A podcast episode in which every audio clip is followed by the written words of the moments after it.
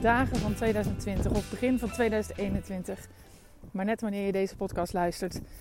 Welkom bij deze aflevering die heet Hoe deze horecaondernemer toch een prachtig 2020 had.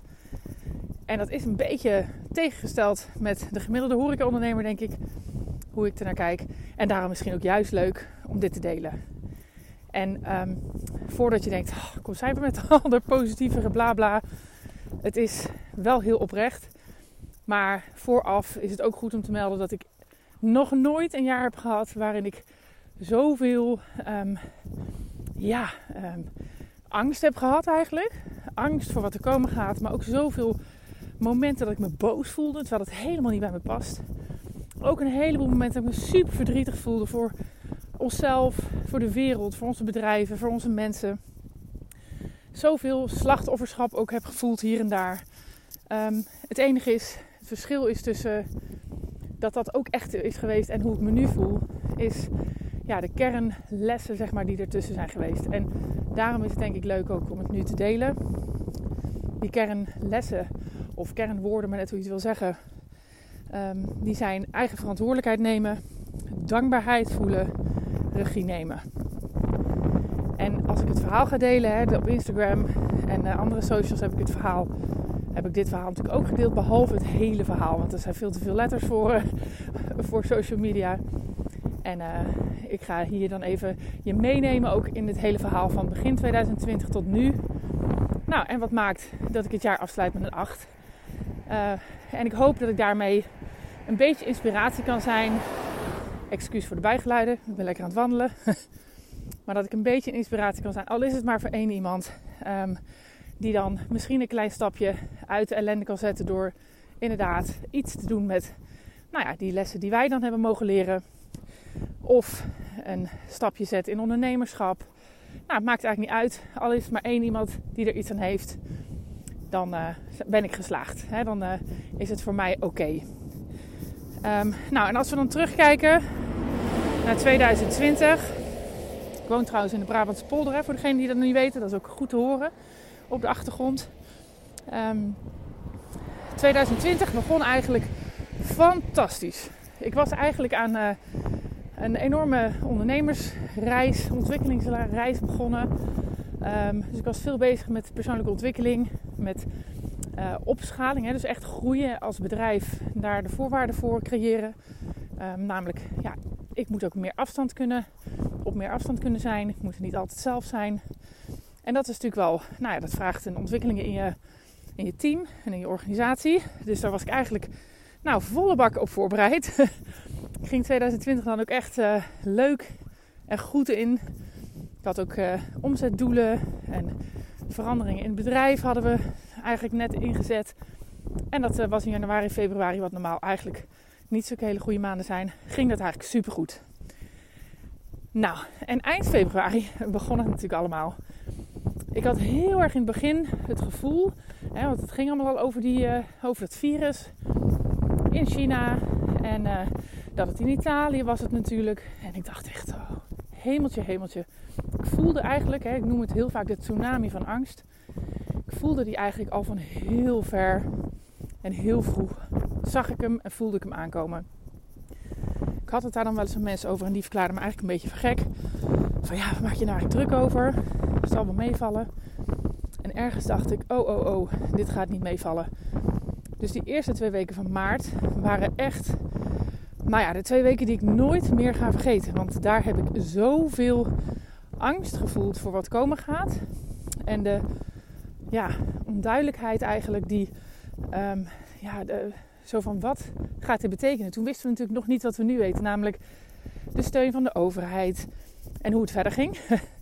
uh, toen zag ik alleen maar, ik heb een bedrijf samen met mijn man in uh, sociaal contact en verbinding. Uh, daar gaat ons product over. En jeetje, wat gebeurt er dan als dat gewoon ja, niet meer mag, niet meer kan, gevaarlijk is? Dan hebben we niks meer. Dan kan ik zometeen mijn personeel niet meer betalen, want er komen geen klanten meer. We komen zelf in de problemen. Nou, ik zag echt, ik zag en doorvoelde echt de grootste angst die ik als ondernemer tot nu toe heb gehad. En uh, ja, dat was echt wel heel, heel, heel, heel, heel pittig. Um, nou ja, ik heb veel daarover gepraat natuurlijk met mijn man. En uh, we doen het natuurlijk ook echt samen. Wel met een hele duidelijke taakverdeling in onze bedrijven. Maar ja, toen hebben we eigenlijk bedacht, we moeten scenario's gaan maken. We moeten grip gaan nemen. Scenario's maken op wat kan er allemaal gebeuren. Wat zijn allemaal dingen die zouden kunnen gebeuren? En dat was um, van een beetje verminderen, uh, regels, hè, afstand, uh, afstand houden, dat soort dingen, tot aansluiting. Dat hadden we toen echt al wel in de gaten. Um, hebben we helemaal uitgewerkt. En ook wat doen wij dan? Dus daar komt die 100% verantwoordelijkheid uh, om de hoek kijken. Wat gaan wij doen als dit gebeurt? Hoe gaan we ons gedragen? Wat gaan we doen als dat gebeurt? Nou, en door dat helemaal uitgewerkt te hebben voor de grote persconferentie um, op die donderdag, nou ja, maakte eigenlijk dat we daar heel rustig in stonden. En dat was fijn. Nou, vervolgens voelden we natuurlijk ook de persconferentie aankomen. Wij dachten, horeca moet sluiten. Nou, dus ook dat scenario hadden we in ons hoofd en wisten we, dit gaan we doen. Hebben we ook weer die verantwoordelijkheid echt ingevoeld door zelf de regie te nemen over onze reacties. Niet af te wachten wat anderen doen. Niet af te wachten wat Rutte ging zeggen. Maar zelf al bedenken, dit gaan wij doen. Nou, vervolgens weten we allemaal hoe het gaat natuurlijk. Horeca was 10, 11 weken dicht. En uh, ja, ik heb eigenlijk de dag na de sluiting ben ik aan het werk gegaan in mijn oude baan. Ik heb mijn voormalige baas gebeld en gezegd, joh, heb jij werk? Ik denk dat ik de komende maanden tijd heb. En ik dacht toch gelijk, oh hemeltje, we moeten iets gaan doen. We moeten geld gaan verdienen. Nou, dat is gelukt. Dus gelijk, was een baan in de zorg als manager. De gehandicaptenzorg. En uh, nou, dat was fantastisch. En heel fijn dat dat kon. Wel heel druk, want het liep ook door toen we weer open mochten. Nou, die spanning van het open mogen was natuurlijk ook enorm. Want het kwam voor ons vroeger dan verwacht eigenlijk. Ik had gedacht, dat gaat langzamer, dat gaat geleidelijker. Maar dat was dus niet zo, dus dat was 1 juni. En uh, nou, ook weer helemaal voorbereid op alle scenario's. en helemaal uh, ingezet. Nou, die eerste maand vond ik moeilijk. Ik heb me ontzettend een handhaver gevoeld. Ik heb altijd een neiging om redelijk goed aan regels te houden. Dus ja, dat is uh, lastig om dat te doen. Want mensen waren er niet zo heel erg van om afstand te houden. Dus dat was moeilijk. Um, die tweede maand, de maand juli, werd het natuurlijk versoepeld ging een stuk beter. Nou, we vonden onze weg een beetje. Ik ondertussen nog aan het werk, ook in de zorg. En toen weet ik nog dat op een gegeven moment duidelijk werd dat iedereen gewoon op vakantie mocht. Nou, toen heb ik me zo alleen gevoeld in de wereld, samen met Willem, mijn man. Um, zo alleen. Want ik dacht echt, hoe kan dit nou? Snappen we nou niet? We hebben het de hele tijd over die tweede golf die er aankomt. Over Um, ja, oh, nou alles. Hoe kun je van zo streng naar zo los gaan? Hoe dan? Ik dacht echt, dit wordt een tweede golf op zijn retour. In die zin, die gaat super, super, super snel terugkomen. En dan? Hè, dan is iedereen op vakantie geweest en dan mogen we allemaal weer in lockdown. Ook daarin zeiden mensen, nee joh, valt heus wel mee. En ik dacht altijd, nou dat gaat niet meevallen. Want, nou ja, hè, om alle overduidelijke redenen Um, dus we mochten allemaal weer de grens over. Wat ik ook heel moeilijk vond, is uh, dat iedereen natuurlijk vrij was geweest, thuis had gezeten of wel wat gedaan had, maar toch niet ja, open zijn. We zijn niet open geweest. En toen in de zomer was het ineens super krap, want ging iedereen op vakantie. Dus niet alleen de hele wereld ging op vakantie, maar ook ons personeel uiteraard. En met mijn verstand vond ik dat allemaal heel logisch. Maar gevoelsmatig heb ik me daar toch wel alleen gevoeld. Um, en weer opnieuw een beetje angstig. Van nou nou, wat gaat dit, uh, wat gaat dit worden? Wij hebben daar heel bewust in die periode de keuze gemaakt om ons niet te laten leiden door die angst. Dus ook het echt te zeggen van ja, we gaan, wij gaan nog steeds voor groei. We gaan nog steeds voor een succesvol einde. En dus hebben we ook zelfs een bedrijfsleider toen nog um, geworven. En die is ook begonnen. Um, nou ja, nog steeds. En we hebben toen eigenlijk ook trouwens uh, een heel leuk nieuw concept uh, natuurlijk opgestart. Sapsoep dus echt gezonde afval. Super leuk, maar echt met z'n tweeën moeten doen. Ja, ja, dat soort dingen moet je ook met z'n tweeën doen, maar dat was er ook nog bij. Hè? Dus het is echt in die fase soms wel moeilijk geweest om, uh, ja, echt fit en positief te blijven. Totdat ik echt ook tegen mezelf zei: ja, ho ho. Als ik dit zo doorloop, ja, dan roep ik de ellende op me af. dus ik ging er vanuit: oh, het is zwaar, want iedereen is op vakantie. En oh, het is zwaar, want ik werk en de kerk is open, het restaurant, zeg maar. En oh, we hebben ook nog sapsoepsalade geopend. En oh jee, wat is het allemaal veel. Totdat ik echt besloot, nee, zo ga ik het niet zien. Ik ben fit en energiek. Ik zorg goed voor mezelf. En ik kan dit aan. Ik kan dit. En samen met Willem doen we het ook. En nou, dat was echt dat nieuwe verhaal. Uh, wat ik besloten heb te gaan leven. Uh, dat werd ook werkelijkheid. En in dat nieuwe verhaal hoorde ook: ik wil positief zijn. Ik wil hier juist in deze fase sterker uitkomen. Ik wil een andere horeca-ondernemer zijn dan de gemiddelde andere. Ik wilde niet schreeuwen. Ik ja, wilde eerder inspirerend zijn en daarmee mijn invloed hebben en aan tafel komen bij Jinek dan door mijn geschreeuw. Niet dat ik aan het schreeuwen was, maar je snapt wat ik bedoel. Ja, en toen kwam de tweede lockdown in beeld. Ook die tsunami zag ik en ik denk heel veel met mij toch al maanden aankomen. Alhoewel dat in de werkelijkheid er wat anders uitzag, want iedereen deed heel verbaasd. Maar ook daar was wel weer een moment van alleen voelen. Namelijk, de wereld ging nou helemaal gewoon door. De winkels, Ikea, alles was leuk, goed en aardig. De Efteling. Alleen de horeca was dicht. Maar ook daar heb ik gekozen om niet in die slachtofferrol te stappen, maar echt in de regie te stappen. En te denken, ja, wij gaan onze eigen keuzes maken. Dit overkomt ons. Maar hoe we reageren overkomt ons niet. Dat zijn we zelf. Dus toen hebben we besloten dat we echt in een lange winterslaap gingen. Wij zagen. Zo, ik ben een heuveltje aan het oplopen. Dat is te horen. Wij zagen aankomen dat we met kerst echt niet open zouden zijn. Als we al open zouden zijn, dat het dan zeer beperkt zou zijn. Dus met 30 bijvoorbeeld. Nou, en dat is iets, ja, daar verdien je gewoon je geld natuurlijk niet mee terug. Dus dat hadden we wel snel in de gaten. Van ja, ook doorrekenen weer scenario's maken. Dat gaat hem niet worden. Dus we gaan stoppen. Nou, daar de mensen met wie we spraken natuurlijk ook angstige waarschuwingen van nee, nee, maar dat kan niet. Gaat personeel nooit aan meewerken. Moet je niet doen. Kan je geen subsidieding meer aanvragen. Nou, daar hebben we niet naar geluisterd over duidelijk. We hebben het uh, gedaan. En met degene die, uh, juist die ene persoon die wel uh, de kansen zag, die heeft ons daar doorheen geadviseerd.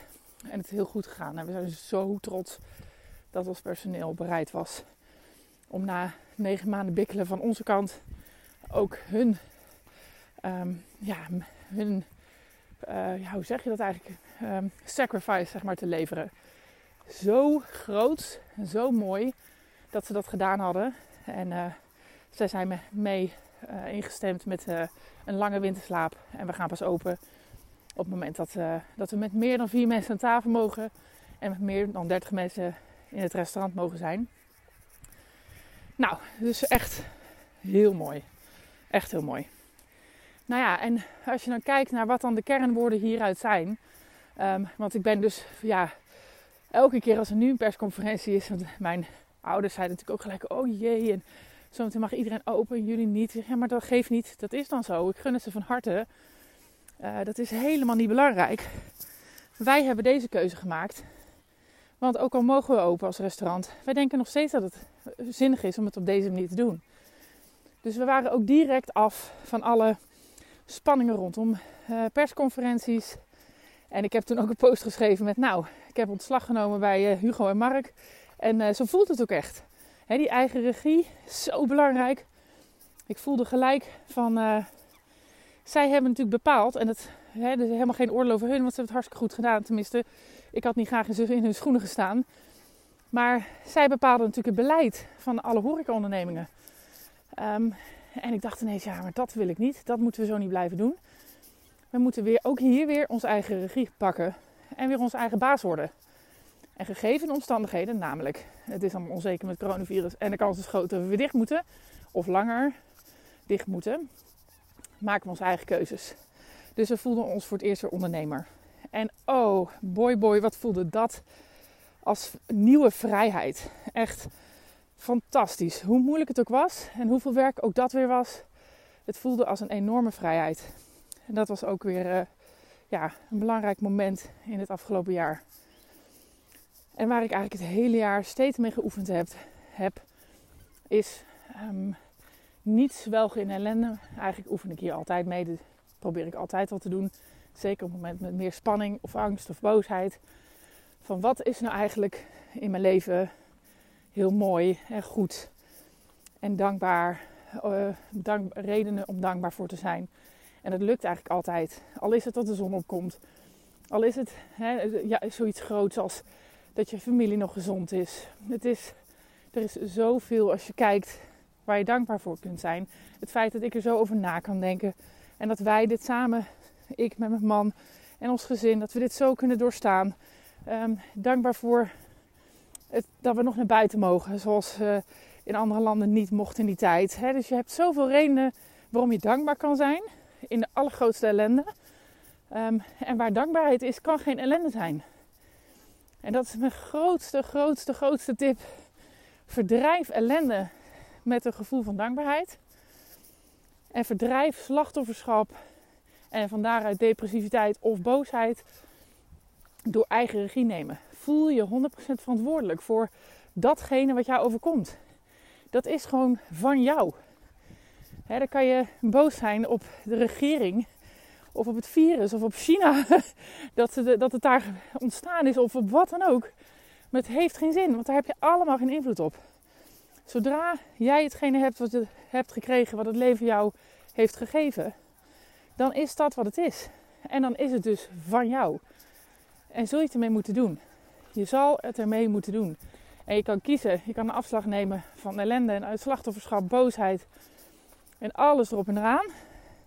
Of je neemt de afslag van dankbaarheid, van 100% verantwoordelijkheid nemen, van regie nemen en je reactie kiezen.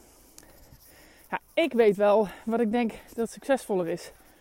En ik denk ook, en dat is ook niet onbelangrijk, strategisch gezien niet onbelangrijk.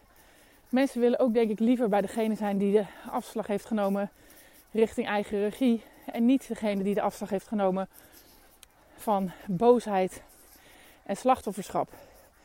En zeker als horecaondernemer, maar anderszins ook, ja, willen mensen eerder op de ene manier bij je zijn dan op de andere manier. Dus als je hier iets uithaalt, doe dan, neem dan die verantwoordelijkheid. Het is van jou. Het is jouw cadeautje van het leven. Of het nou een mooi cadeautje is of niet, het is van jou. Jij kan je reactie kiezen. Neem daarover regie. En verdrijf de ellende door dankbaarheid. En uh, nou ja, voor mijn gevoel hebben we een grote ondernemers masterclass gehad in 2020. Eh, en zijn we met vlag en wimpel geslaagd. En zitten we er in het laatste stukje nog uh, volop. Um, en zijn wij klaar om naar de next level van deze game te gaan. En nog veel meer te leren en te groeien.